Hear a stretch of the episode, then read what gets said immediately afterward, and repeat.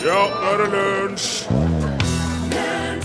Buenos dias, senores y senoritas. I dag feirer vi Cinco de Mayo, den 5. mai, i Los Estados Unidos og i Mexico. Ikke Mexicos nasjonaldag, som noen tror, men en festdag lell for å feire at meksikanerne slo på uventet vis franskmennene ved slaget ved Puebla 5. mai 1862. Det skal vi ikke snakke om i dagens sending, men vi har mye annet bra på lager som jeg håper du liker lell. Greit, ja. God formiddag, kjære medmenneske. Jeg håper du har hatt en fin natt og sovet godt og er klar og uthvilt. Jeg er ikke akkurat i supertoppform sjøl, og det er fordi at rett utafor soveromsvinduet mitt, inni ventilen i veggen min faktisk, der har det flytta inn en fuglefamilie. Og hver morgen klokka halv fem så våkner den fuglepappaen der, og så tenker han at ja ja, da er det på tide å vekke nosen, gitt. Og så driver han og kvitrer og kvatrer og smitrer og smatrer og piper og plystrer i en sånn tre kvarters tid, eh, til klokka begynner å nærme seg fem-halv seks, og da tenker han at ja, nå burde det være nok, nå tror jeg han er god og våken, og det er jeg. Og der ligger jeg og skulle ønske at jeg sov, men jeg får ikke sove. Og så står jeg nå opp til slutt, da. Og ikke har jeg kaffe i huset heller, for det er tomt for. Og dermed så starta jeg dagen med en god kopp med kamillete isteden, og ikke et vondt ord om kamillete eller kamille eller andre blomster eller blomsterfinn eller noen. Blomster er fint, det, men altså det er en grunn til at det heter kaffebar og ikke kamillebar, for å si det på den måten. Det heter ikke kamillepause heller, og han gamleordføreren i Bergen, han er ikke kamillemillionær, nei. Du blir ikke invitert inn til folk på en kopp kamille og kake, nei. Og han dansken, Benny Andersson, som har sangen om Svantes lykkelige dag, synger han, synger han egentlig Livet er ikke det verste man har, om lyd er kamillen klær? Nei, han gjør ikke det, vet du. Kaffe, det er uerstattelig. Men nå har jeg endelig fått meg en kopp her. Mm. Og det vil jeg bare få lov til å si til den det måtte angå. Takk for kaffen. Ja, dere, livet kan være så mangt, men det er noe sjelden kjedelig, og hvis du kjeder deg, da kan du lese ei bok. Det sa alltid mor mi til meg. Og en annen ting med livet her er at det er kort. Så man må nyte mens man har det. Og akkurat nå så hører du altså til lunsj på P1, og de faste programlederne, herr Nilsson og drengen Borchhus, de er på TV-opptak i hele mai, og better meg brorparten av juni med. Så Osen passer fjøset imens, og med seg eh, til den jobben har han denne uka her selveste Kari Sørbø. God morgen. God morgen, god morgen, ja. Si hei til det norske folket. Er det feil mikrofon? Ja, det lyser rødt. Der lyser det rødt, og så tar vi bort den. Sånn er det. Jau, jeg har det bra. Jeg ser jo for deg halv fem på morgenen og blir vekt av fugl. Du har bare godt av å få en god start på dagen, Are. Men. Tenk deg å drikke kaffe som du sjøl har laga i verdensrommet, du. Å, Ja. få høre. Søndag så Ja. ble den første espressoen, og altså den første kaffen ever, laga på ordentlig vis og drukket i verdensrommet. Jaha. Dette var jo da den flotte italienske astronauten, den første kvinnelige italienske astronauten Samantha Cristoforetti, som er oppe på denne internasjonale romstasjonen. Det, Og de har altså da utvikla en egen liten maskin for å lage denne espressoen. Ja. Og de forsker jo samtidig, da, for at som du veit, der oppe så er det jo ganske høyt trykk og sånt, for Ja. å si det mildt. Slik at de også da fikk finne ut om eh, hvordan eh, flytende varm væske reagerte under høyt trykk. Ja. Og som du skjønner, så gikk det veldig bra. Jeg har sett bilder på det store internettet av eh, Samantha, der hun sitter og drikker denne espressoen med et sugerør, sjølsagt. ja, sånn spesialkopp. Ja, spesialkopp. Mm. Det må ha vært deilig. Jeg har sikkert tenkt det mange ganger oppe i rommet at ja, det er noe greit å være oppe i verdensrommet, og det er fin utsikt og alt det der, men da hadde man gjort seg med en kopp kaffe. Men jeg som da må ha mjølk på morgenen, jeg tenker jo det hadde vært kjekt å ha ei ku oppe i en romstasjon som jeg kunne mjølke. Jeg veit ikke akkurat hvordan det hadde gått for seg, men altså, det kommer til å komme, det også. Ja. Mjølk i verdensrommet fra kua. Gikk du glipp av noe i lunsjen? Eller vil du høre det igjen? nrk.no podkast. Take it away, Kari. Ja, jeg tenkte nå det da at vi skulle minne folk på at i dag, i eh, 1821, så døde Napoleon. Denne mannen da som vi kunne snakka om i timevis. Ja. Dere er jo så fascinerte av Napoleon. Jeg kjenner folk som samler på bøker om Napoleon. Mhm. Men eh, det som jeg syns er litt interessant, da, er jo at Napoleon, han var vel en av de aller første som da etter sin død ble utsatt for konspirasjonsteorier. Noe Jaha. som florerer om alt mulig i dag, som vi vet. Ja. Fordi at eh, det ble jo altså da funnet eh, masse arsenikk, mellom annet i håret hans.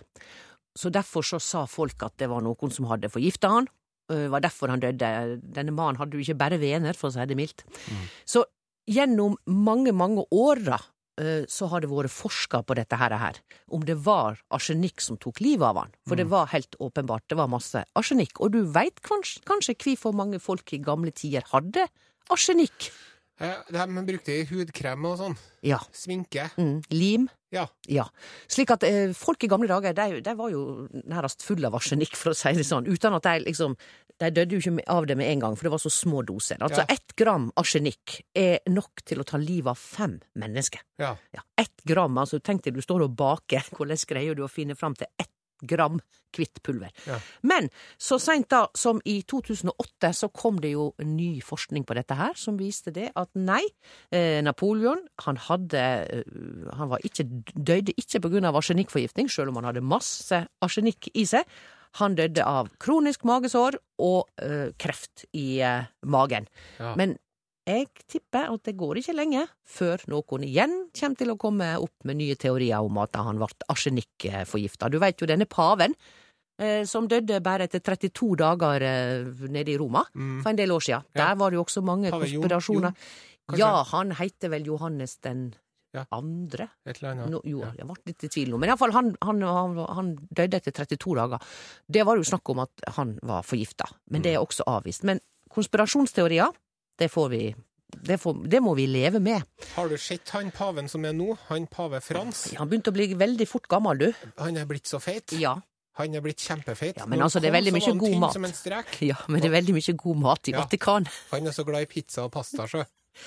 Så kanskje at det er noen som prøver liksom å få han til å bli så feit at han, at han får diabetes. 2 og hjerteinfarkt. og Jeg er jo så kynisk, kynisk at jeg eh, leser jo mye om sånne der gifter på ulike måter du kan ta livet av folk på, da. Bare for, å, bare for å vite det, da. Hvordan hadde du villet tatt livet av noen, Kari? Eh, jeg vet ikke om jeg tør å si det på lufta, men det, nei, det går jo an å google seg fram til det, akkurat sånn som det går an å google seg fram til atombombe. Nei, altså, hvis du har blitt fortalt, hvis du tar eh, eh, blåsyre, Ja. eh, cyanid, eh, bitte, bitte, altså bare en liten dråpe ned i maten til noen, sånn tredje hver dag, Ja. eh, etter et halvt år så vil vedkommende altså faktisk dø av noe av det som Napoleon døde av, nemlig eh, magekatarr. Uh, utvikle til kreft, blødende magesår. Det er uhelbredelig. Ja. Jeg har altså lest om dette, Så det er Osen. lurt å holde seg på godfot med Kari Sørbø. Ja, det kan det Naboene være. hennes og sånn bør oppføre seg ordentlig, for å si det sånn. Ikke et maten som er laget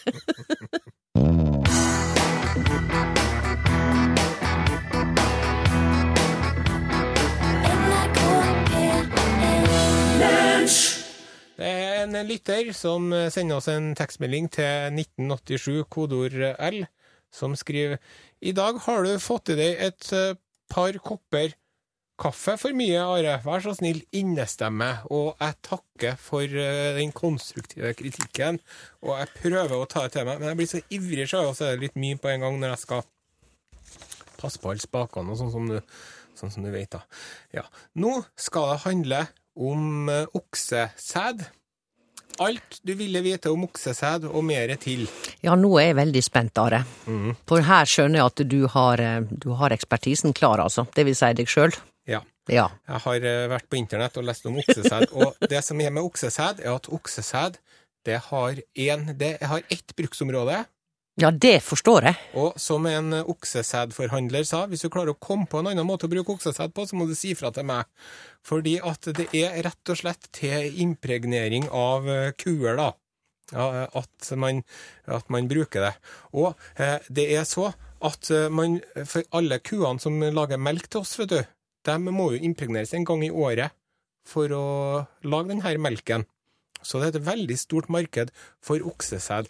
Før så var det jo sånn at man for omkring med oksen, og så uh, lot man oksen uh, Ja. gjøre sitt Ja. med hver enkelt ku. Nå har de uh, et annet system. Nå har de sånne små sugerør som inneholder en bitte liten mengde med eh, oksesæd som er tynna ut i eggehvite, faktisk. Og de her sugerørene blir da frosset i flytende nitrogen og lagres rundt omkring. Og eh, et sånt strå kan koste mellom eh, 150 og 1500 kroner, som man da bruker på ei ku.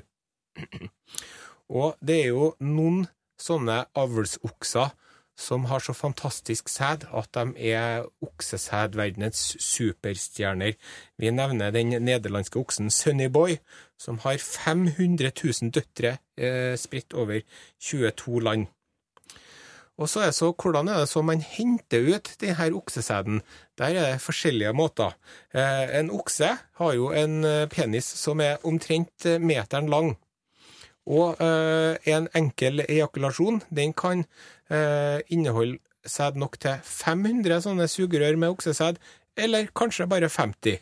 Så, og så er det noen okser som er i stand til å levere hver eneste dag, og så er det noen late okser som bare leverer en gang i uken.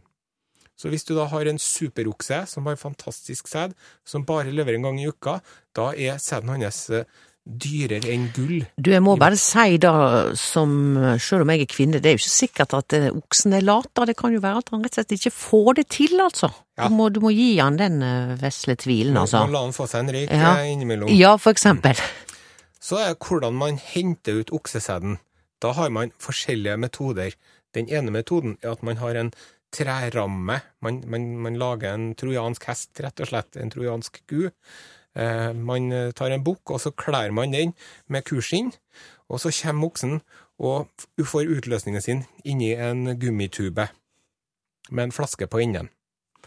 Eh, ellers så har de det at, at oksen hopper på andre okser, som kalles for ertekroker, teasers, og så tar de og avbryter dem like før det smeller, og det er ganske raskt, av en mann med en gummislange og en eh, okse. Eller så er det at eh, de bare lar oksen hoppe på en ku på vanlig måte, og så henter de ut sæden etterpå der, da.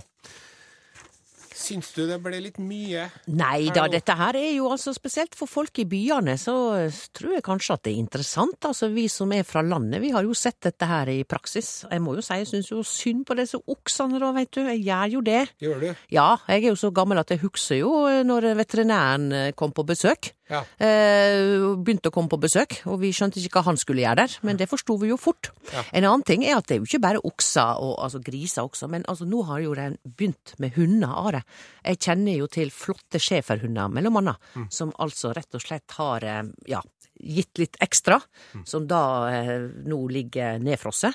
Med tanke på nye individ. Ja. Og vi veit jo selvsagt oss mennesker hva vi holder på med. Ja. Så um, naturens gang Men det som er at, at når det er penger å tjene, da åpnes det jo muligheten for kriminell eh, atferd. Og nå, eksempel på en eh, melkegård i Minnesota i United States, der er det noen som har stjålet oksesæd.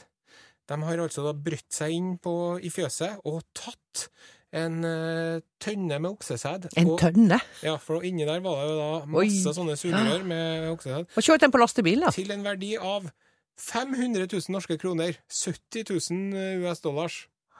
Så politiet jobber med For Og de tok den på lastebil, da. Ja, Jeg vet ikke hvordan, Jeg tror ikke det er så stort. Jeg tror er Nei, sånn nei, men likevel, de, må, de kan ikke ha sprunget over jorda med det. En pickup. kanskje, kanskje det var etterkommere av nordmenn som, eh, som eide den, da. Det kan godt være. Det er jo mye av dem borti der. Besøk gjerne Lunsj sine Facebook-sider.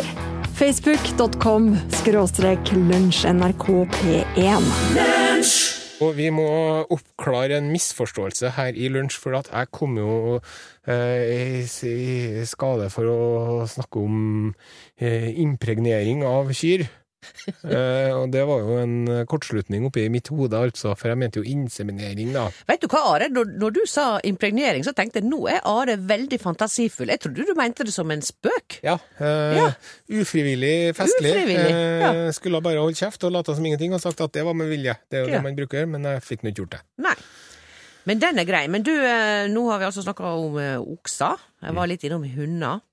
Men eh, jeg tenkte det at vi må bare få med oss litt mer fra landbruket i dag, og det er fjordhesten. Denne flotte, eller fjordingen, veit du. Du har sett den? Det er en sånn liten hest på Vestlandet. Ja, liten. Den er jo ikke liten. Du tenker kanskje på islandshest. Du, når Ja. islands på det. Ja, nei da, Den er her er stor, en den fjordingen. Fjordingen kan være stor. Det er en, det er en normal, stor hest. Og dette her er jo en av de eldste hestene vi veit om. Man regner med faktisk at eh, den ble nytta i bronsealderen. Mhm. Helt tilbake til bronsealderen. Da er vi 1200 år før Kristus. Eh, det, de, de fant, jo, fant jo hester i disse vikinggravene også, så vi veit jo det. Mm. Men det som er da, er jo at eh, fjordhesten, til liks med et par andre hesteraser som dølahest, nordlandshest, så er det faktisk ikke så veldig lys framtid. Fordi det blir født for få føll. Og da skjønner man at dess færre føl, dess færre voksne hester. Og jeg så nå eh, fra, fra Vestlandet ei, eh, ei utstilling der i Nordfjord fjordhestlag. Der sier lederen Olav Rune Seljeseth at i fjor så var det under 200 hopper som ble bedekka. Og da venter en seg kanskje ikke mer enn 120 eh, føll. Nei. Og det når det er så lite, så Ja. er det farlig. Og dette har, dette har jo vært slik i mange år, så det er ikke noe nytt, men det, det holder liksom fram, da, den dårlige utviklinga. Så jeg veit ikke hva vi skal gjøre for dette. For det er klart, hvis eh, slike hesteraser som er så knyttet til landsdeler i Norge, forsvinner, så er det fare på ferde. Det er jo veldig flott å få se en araberhest ute på et jorde i Gudbrandsdalen, men vi, vi skal jo ha dølahester også, sant? Ja, det er fare på Førde, da. Fare på Førde. Hva, hva skal vi gjøre, da? Nei, men du får kjøpe deg en fjording du da, Kari. Ja, men du, nå, nå forstår jeg slik at du, Are Sendosen, du planlegger hønsegard hjemme. Ja. Kan, kan ikke du ta en hest samstundes, da? Hest eller to, en av hvert kjønn, da, og så kan du bidra litt, grann, du er jo sånn som gjerne vil bidra med ting, da. De er jo litt mer eh, plasskrevende, de hestene, enn hønsen, da. Altså, jeg kan jo si Pippi Langstrømpe, men da, det, Ja. det ordner jo seg alltid med en hest eller to. Du må ikke være så negativ. Ja, jeg skal skrive det ned. Ta det til Ja, jeg syns det, men i alle fall, vi får håpe at uh, fjordhesten og andre truga raser uh, foretar seg noe, om det så blir uh, på kunstig vis, du. Men er du sikker på at det her er et alvorlig problem, og at det ikke bare er noen som roper ulv, ulv, ulv, da? Nei, de roper hest, hest. Hest, hest, roper de.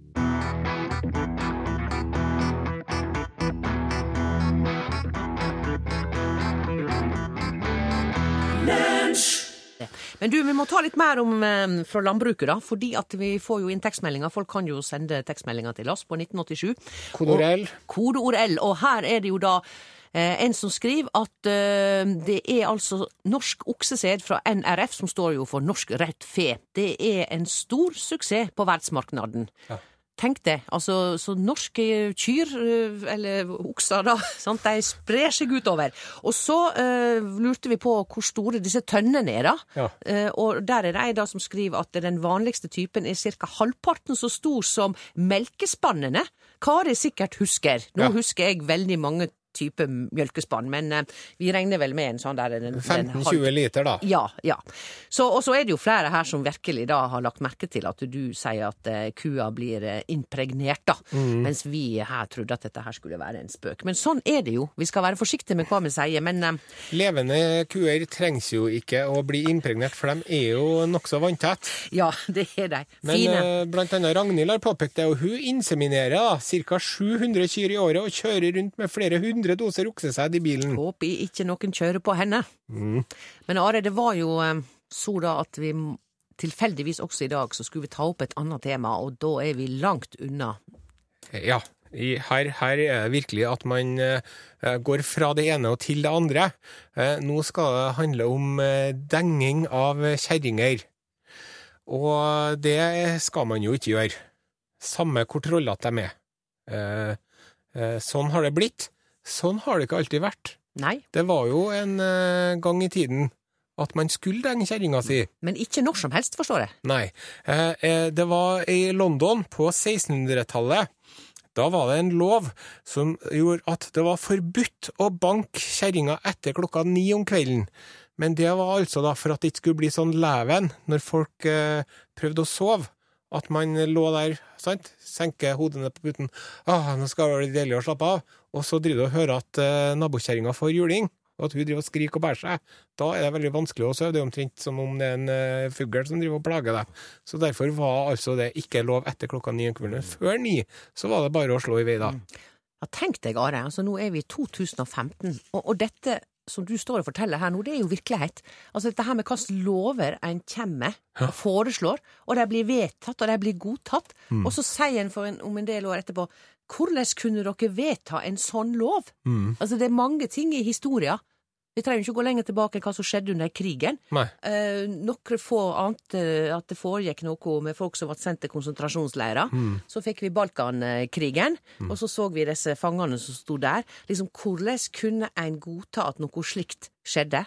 Og vi trenger jo ikke å si noe mer om hva som foregår Vi nede i ikke det, men vi kan jo si at om 100 år så kommer jo folk til å se tilbake si ja, enn alt det de gjorde i 2015. Det var helt utrolig å tenke på, men det var jo annen tid. Og... Har du, har du noen tanke på, kanskje på hva folk vil riste utrolig på hodet av om eh, 100 år, Are, som vi gjorde? Nei, Nei. Nei, men kanskje vi finner på noe? Send bokstaven L for lunsj, mellomrom og din melding til 1987. Én krone per melding. Lunsj! Hva vil folk om 100 år synes om hva vi holdt på med?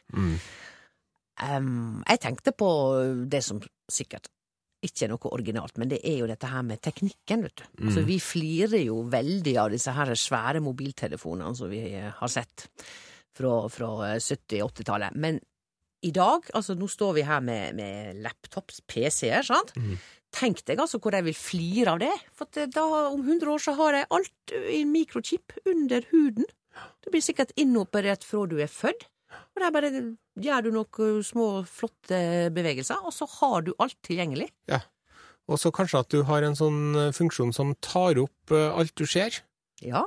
Og oppleve. Mhm. Sånn at når du har vært på, hvis du har vært på jobbintervju, så kommer du hjem til kona di og sier 'Hvordan gikk jobbintervjuet?' Så jo, vi kan jo se noe. Og så bare trykker du på en knapp, og så kommer det på skjermen. Så kan de se liksom hvordan Og når du da skal gjennom sikkerhetskontrollen på fly, så må du vise eh, eh, han i sikkerhetskontrollen hva du har holdt med den siste uka. Sånn at han ser at du ikke har vært på en Taliban-treningsleir, for eksempel. Det er åpenbart. Og så tror jeg at det vil ikke skje noe når det gjelder maten vår. De, de verre, av forskjellige årsaker. Vi vet jo hvor mye ferdigmat vi har i dag. De vil vel kanskje lure på hvorfor sto de og kokte på komfyren, liksom. Tror det blir sånne piller. Ja, det blir en del piller. Matpiller. Ja, og ting som en bare kan putte inn i eh, en, en ny type mikrobølgeovn etter den, og det vil jo være for oss som liker mat, da. Og liker å lage mat, det vil jo bli en nedtur. Så sånn sett er det kanskje best at vi ikke lever om 100 år. Nå, nå forutsetter jo du at uh, framskrittet kommer til å fortsette, og at den teknologiske utviklinga Men det kan jo hende at uh, alt går til helvete, og at vi bare spiser villsau og skjell og Det var jo det andre jeg tenkte på da, men Mm. altså, jeg får jo ikke håpe det, da. Selv om vi vet at det er mye galt i verden. Men uh, vi, vi, vi- må jo være optimister. Ja. Men problemet er jo å definere hva som er framsteg, og det er jo det litt usemje om, da, blant Mm. folk. Heldigvis. Men eh, vi, hvis vi skal satse på framskrittet, får vi håpe at vi har eh, kolonisert månen og Mars, da. Ja. Og at vi har fått uh, ordna oss en datamaskin som vi kan overføre bevisstheten vår til når vi blir gamle og skrøpelige. Så kan vi være inni datamaskin og spille dataspill hele tida. Dataspill, ja. ja. Eller gjøre noe annet. Men um, det å, å leve på en annen planet, jeg er ikke helt sikker på om jeg ville like det, altså. Jeg er ikke sikker på det. Iallfall hvis du visste uh, hvordan det var på jorda. Det er klart, de som, som blir født på en annen planet, er jo greit. Mm. men for oss som lever på jorda, astronauter og sånt, snakker jo veldig mye om når de er oppe i rommet, hvordan det er å se på jorda. Se på den vakre jorda med de store hava og fjella og alt. Det er liksom den kjærleiken der, og jeg er ikke sikker på Det blir litt sånn der Rocketman, vet du. Elton John. Ja, men vi må, jo komme oss, eh, vi må jo komme oss eh, av den steinen her. Hvis ikke så kommer det jo til å skjære seg når sola brenner Ja, opp. ja, men nå, vi kan ikke, vi kan jo ikke ta, kan ikke ta sorgene sånn på forskudd, da. Vi må jo bare håpe at sola i alle fall skinner litt til, Are. Jeg syns at radioen, det er min beste venn. Det er godt. Og vi har fått en eh, tekstmelding til 1987, kodord L, hvor det står Husk den internasjonale jordmordagen. Trenger hilsen på radio. Tøff jobb, skriver Ellen Gregersen fra Havøysund. Ja, Havøysund i Finnmark, Måsøy kommune. Vakker plass.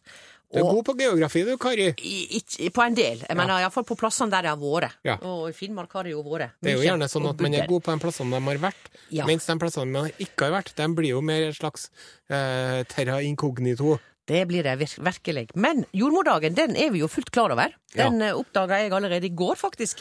Og vi har jo god erfaring med jordmødre, begge to. Ja, altså, er det én ting alle i livet har vært borti, da, hvis ikke en føder i en bil. Ja, alle, ja, så er det jo jordmødre. Og vi kunne ha snakka mye om jordmødre, men vi vil jo i hvert fall gratulere med dagen, for de gjør en kjempejobb. Ja. Og så er det jo en ting da at jeg gikk inn på, på VG-nett her i dag, og så ser jeg jo da at lederen i Jordmorforbundet, Hanne Skjeldrup Eriksen, hun har jo skrevet litt av sånn helsing i høvedagen, men i den helsinga så minner hun om følgende at hvis altså en bonde transporterer storfe, drektig storfe, eh, to uker før fødselen, så kan han risikere bot. Altså, du skal være veldig forsiktig med det. Og en bonde det er ulovlig. Fikk faktisk, ja, det er ulovlig. En bonde fikk 14 000 kroner i bot for å ha gjort det. Men, som hun skriver, 500 kvinner de føder årlig ufrivillig før de når fram til kvalifisert fødselshjelp. Enten ja. fordi at eh, fødeplassen er nedlagt, eller at det mangler jordmor. Så nå sier jeg ikke det at uh, kyr blir sett mer pris på enn kvinner i Norge. Men det er jo det de blir. Men det kan jo høres slik ut, ja. ja. Så uh, vi får jo bare håpe da at alle som skal føde nå i næreste framtid, får gjort det under sikre vilkår og med ei flott jordmor til stede. Så kanskje mm. en mann da, som ikke besvimer under fødsel. Nei. Ja, eller Men det må jeg også få lov til å si at det er jo Jeg har jo vært med på en par fødsler i min tid og hadde jo ikke villet vært foruten. Men eh, samtidig så må jeg jo få si at det er jo man har jo ikke noe sånn, man har jo ikke noe særlig funksjon å oppfylle annet enn å sitte der og være i veien. Eh, Men det er veldig viktig. Det er viktig, det er ja. kjempeviktig. Men eh, jeg, jeg, skjønner jo litt hvordan de gjorde det før i tida. At de satt og drakk og, og, slo med sverdene og drev og hoia litt og bråka sånn at man ikke skulle høre hylinga og skrikinga fra naborommet. Det syns jeg var også en veldig, sånn, en veldig, spennende og interessant måte å gjøre det på. Og som sagt, når man hva er det egentlig en, man snakker om en, hva skal en fisk med en sykkel, eller hva er en fisk på land? Og likeens, hva gjør en mann på en fødestue? Jo, han sitter jo der, og så sier han pust, sant? Pust. Men det gjør de jo likevel. Og så sitter man gjerne og, og heller hånda på den som føder, og så er man litt i veien. For man er jo i veien for fagpersonalet som skal utføre. Men samtidig, det er jo en opplevelse for livet, så man vil jo være med på det. Men, men man har jo ikke man har ikke så mye å gjøre. Det er det. Man, man er litt sånn overflødig. Jeg mener at uh, man har kanskje gjort mesteparten av jobben når man ja, noen måneder i forveien. Nå vil vel noen mene at det er etter uh, at en gjør mesteparten av jobben som mann. Det burde iallfall være sånn. Men det er greit, Are. Men jeg tror alle kvinner er glad for å ha mannen ved sin side når en uh, føder. Og nå får vi besøk her, du. Ja, det gjør vi. Det er programlederen i Norgesklasse som har uh, stukket innom. Hallo, Elin. Hallo. Uh, vent, vent, vent. vent. Så, så, Rødlyset, der kommer hun! Hallo, der er du. Rødlys, altså jeg lever. Ja. ja. God dag. Ja, god dag, ja. Så hyggelig å komme hit til dere. Takk ja. for det. Det var en uh, ny opplevelse. Ja, det blir noen dager nå, men ikke ja, så ja, mange. Jo, men jeg vil si at han, uh, Torfinn og han, Rune de har forandra seg litt. Grann. Ja. De er blitt så høye og flott. Ja, absolutt.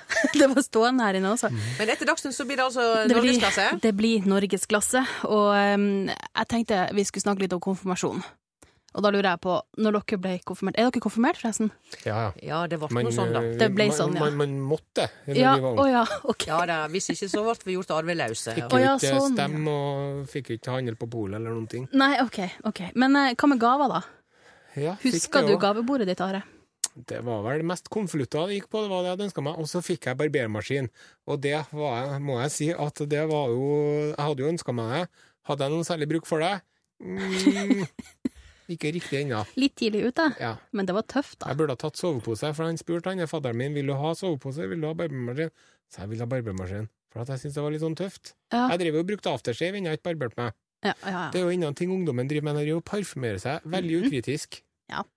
Det, det, men det er ikke bare ungdommen som gjør det, kan jeg fortelle. Nei. Nei, det, Men det kan vi ta, det er en annen prat ja, vi kan ta kan senere. Ja.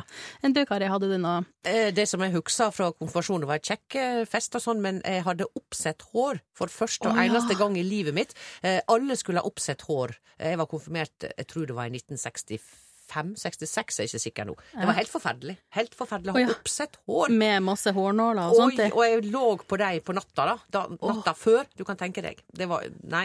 Men det, det er mye bra med konfirmasjon, men dere skal vel snakke om dette med at det har gått over støvleskafta? Gjennomsnittssummen en norsk konfirmant får i dag i penger, er visstnok 33 000 kroner. Og det de skulle ha hatt, er jo en uh, omgang juling, Uh, de delene der. For de er jo Ungdommen, eller de som gir ungdommene Ja. pengene?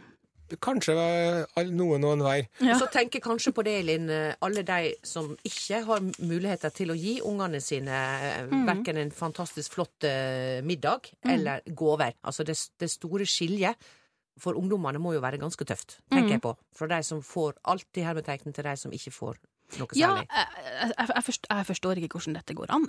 Jeg syns det høres helt uh, utrolig ut. Jeg må innrømme, jeg fikk jo litt penger i konfirmasjonen. Og så er jo men, den eh, konfirmasjonsalderen er jo altfor tidlig òg, for det jo liksom skal jo markere overgang til voksenlivet. Så de burde jo konfirmert seg når de er 25, da. Sant? Når de Mm. Er ferdig med sånn eks-russefester. Da har jeg sagt mitt. Nå skal du få si det med nyhetene og alt det der. Takk skal du ha. I Norgesklasse skal dere få møte en utrolig konfirmant som gjør noe helt spesielt med sine gavepenger.